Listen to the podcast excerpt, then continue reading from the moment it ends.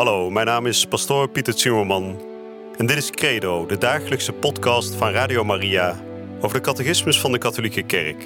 Samen dringen we elke dag een beetje dieper door in het prachtige plan van liefde dat God met elk van ons heeft.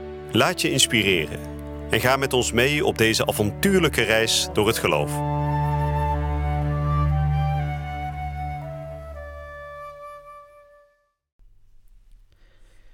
Vrienden, van harte welkom bij deze 102e uitzending al van de podcast Credo, hier bij Radio Maria. We zijn de afgelopen dagen aan het spreken over de verrijzenis van Jezus Christus. Natuurlijk een van de kernpunten van ons geloof.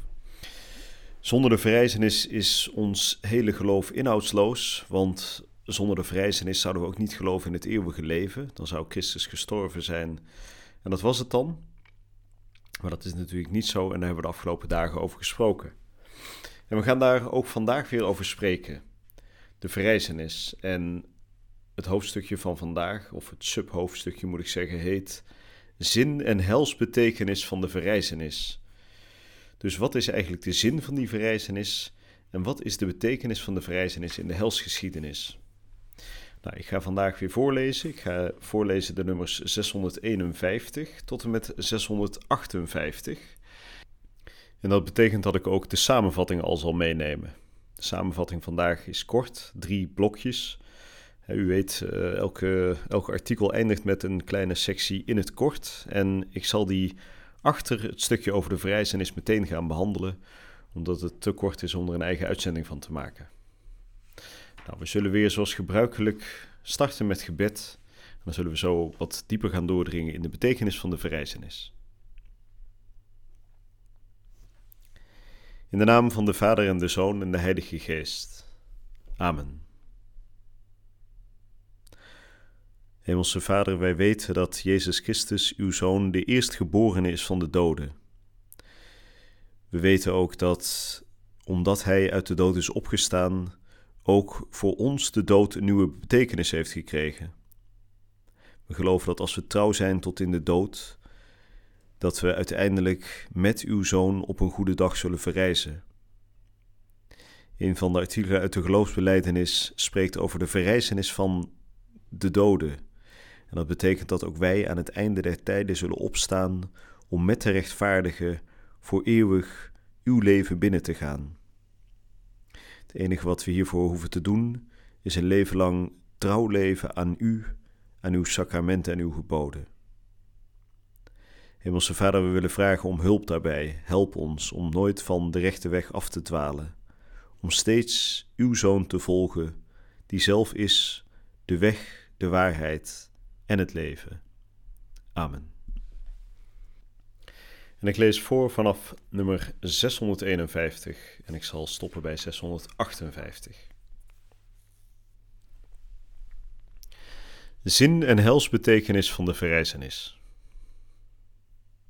Wanneer Christus niet is verrezen, is onze prediking zonder inhoud en ons geloof eveneens. Zoals Paulus zegt in zijn eerste brief aan de Corinthiërs. De verrijzenis is voor alles de bevestiging van alles wat Christus zelf gedaan en geleerd heeft. Alle waarheden, zelfs die welke voor de menselijke geest het minst toegankelijk zijn, vinden hun rechtvaardiging als Christus door te verrijzen het definitieve bewijs van zijn goddelijk gezag heeft gegeven, zoals hij beloofd had. De verrijzenis van Christus is de vervulling van de belofte van het Oude Testament en van de belofte die Jezus zelf tijdens zijn aardse leven heeft gedaan. De uitdrukking volgens de schriften wijst erop dat de verrijzenis van Christus deze voorspellingen in vervulling doet gaan. De waarheid van de godheid van Jezus wordt bevestigd door zijn verrijzenis. Hij had gezegd: Wanneer gij de mensenzoon omhoog zult hebben geheven, dan zult gij inzien dat ik ben. De verrijzenis van de gekruisigde liet zien dat hij werkelijk ik ben was, de zoon van God en God zelf. De heilige Paulus heeft ten, overstaan van de Joden kunnen verklaren: God heeft de belofte aan onze vaderen gedaan, voor ons vervuld, door Jezus te doen verrijzen. Zoals ook geschreven staat in de tweede psalm: Gij zijt mijn zoon, ik heb u heden verwekt. De verrijzenis van Christus is nauw verbonden met het mysterie van de menswording van de Zoon van God. Zij is er de voltooiing van, overeenkomstig de eeuwige helsbeschikking van God. Het paasmysterie is tweeledig. Door zijn dood bevrijdt Christus ons van de zonde. Door zijn verrijzenis verschaft hij ons toegang tot een nieuw leven. Dit leven bestaat allereerst in de rechtvaardiging die ons weer herstelt in Gods genade. Opdat ook wij, zoals Christus door de macht van zijn Vader uit de doden is opgewekt, een nieuw leven zouden leiden. Dit leven bestaat in de overwinning op de dood door de zonde en in een nieuw deel hebben aan de genade. Dit leven schenkt de mensen het kindschap door aanname, want zij worden broeders van Christus. Zo noemt Jezus zelf zijn leerlingen naar zijn verrijzenis. Gaat aan mijn broeders de boodschap brengen, niet broeders van nature, maar door de gave van de genade, omdat het zoonschap door aanname werkelijk doet delen in het leven van de enige zoon, dat zich volledig geopenbaard heeft in zijn verrijzenis.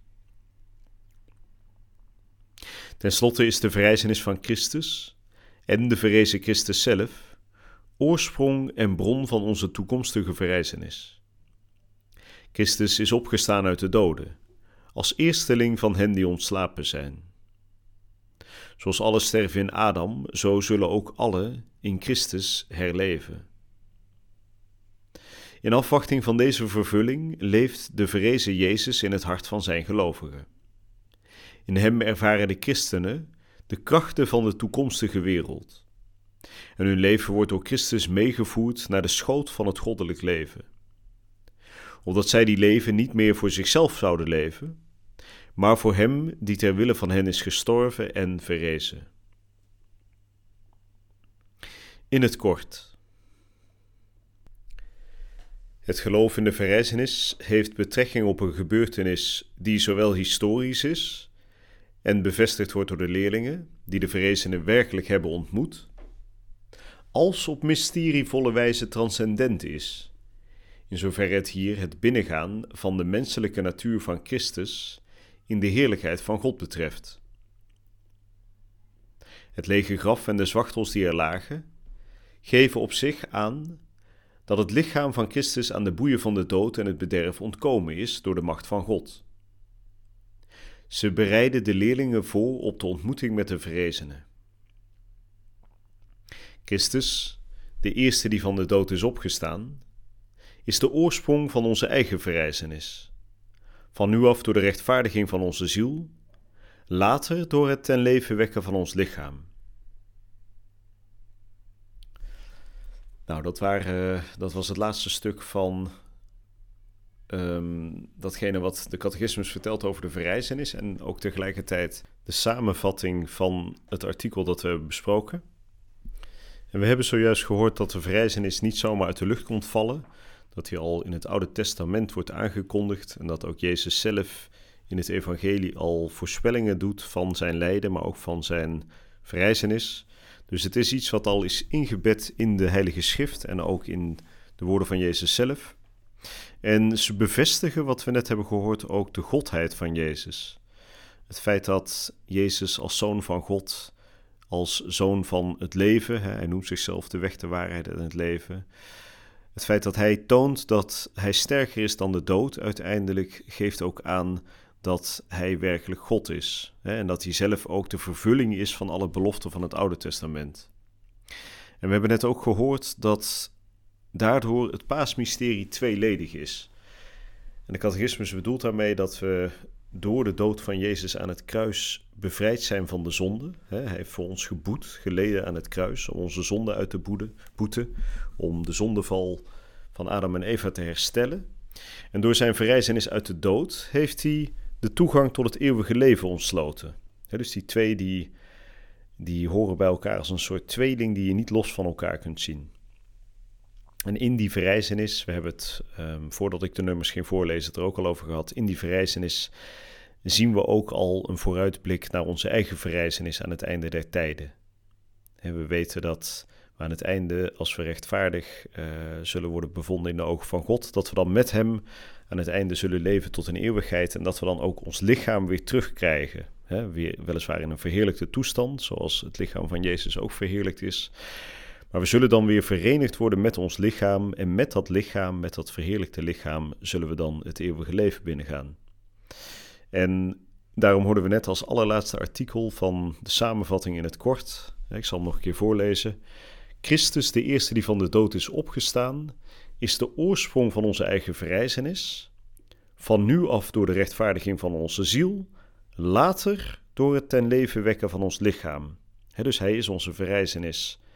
Van nu af door de rechtvaardiging van onze ziel, daar bedoelt de catechismus mee. Op het moment dat we zullen sterven en we zijn rechtvaardig gebleken in de ogen van God, dan wordt onze ziel al gered. En later, aan het einde der tijden, zal onze ziel dan weer bij het lichaam worden gevoegd dat lichaam zal tot leven worden gewekt. En met dat verheerlijkte lichaam zullen we dan met ziel en lichaam het eeuwig leven deelachtig worden. Groot mysterie en een prachtige, hoopvolle belofte natuurlijk ook. En ook in die zin een aansporing om trouw te zijn aan God en om ook volop tot Hem te spreken in gebed.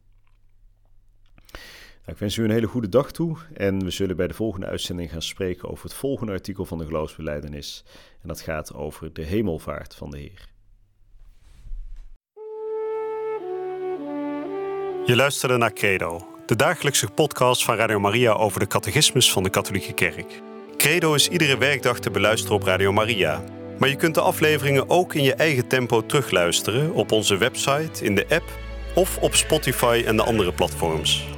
Via de website radiomaria.nl vind je dagelijks de link om de bijbehorende teksten uit de catechismus mee of terug te lezen. We zijn erg dankbaar voor alle giften die wij mogen ontvangen. Daardoor kunnen we ons goede werk blijven doen. Draag je ook bij aan deze missie?